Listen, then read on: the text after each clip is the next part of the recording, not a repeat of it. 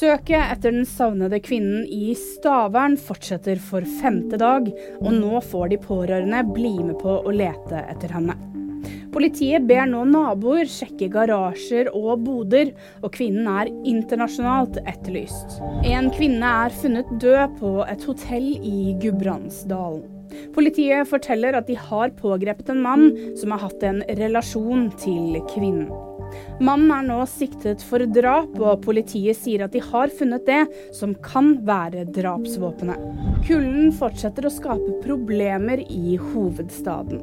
Sprengkulda har nemlig ført til et stort antall frosne rør, og rørleggere jobber nå døgnet rundt for å hjelpe fortvilte beboere. De ber folk sette på varmen i alle rom og la varmt vann renne litt for å hindre at det fryser til. Vil du vite mer? Nyheter finner du alltid på VG.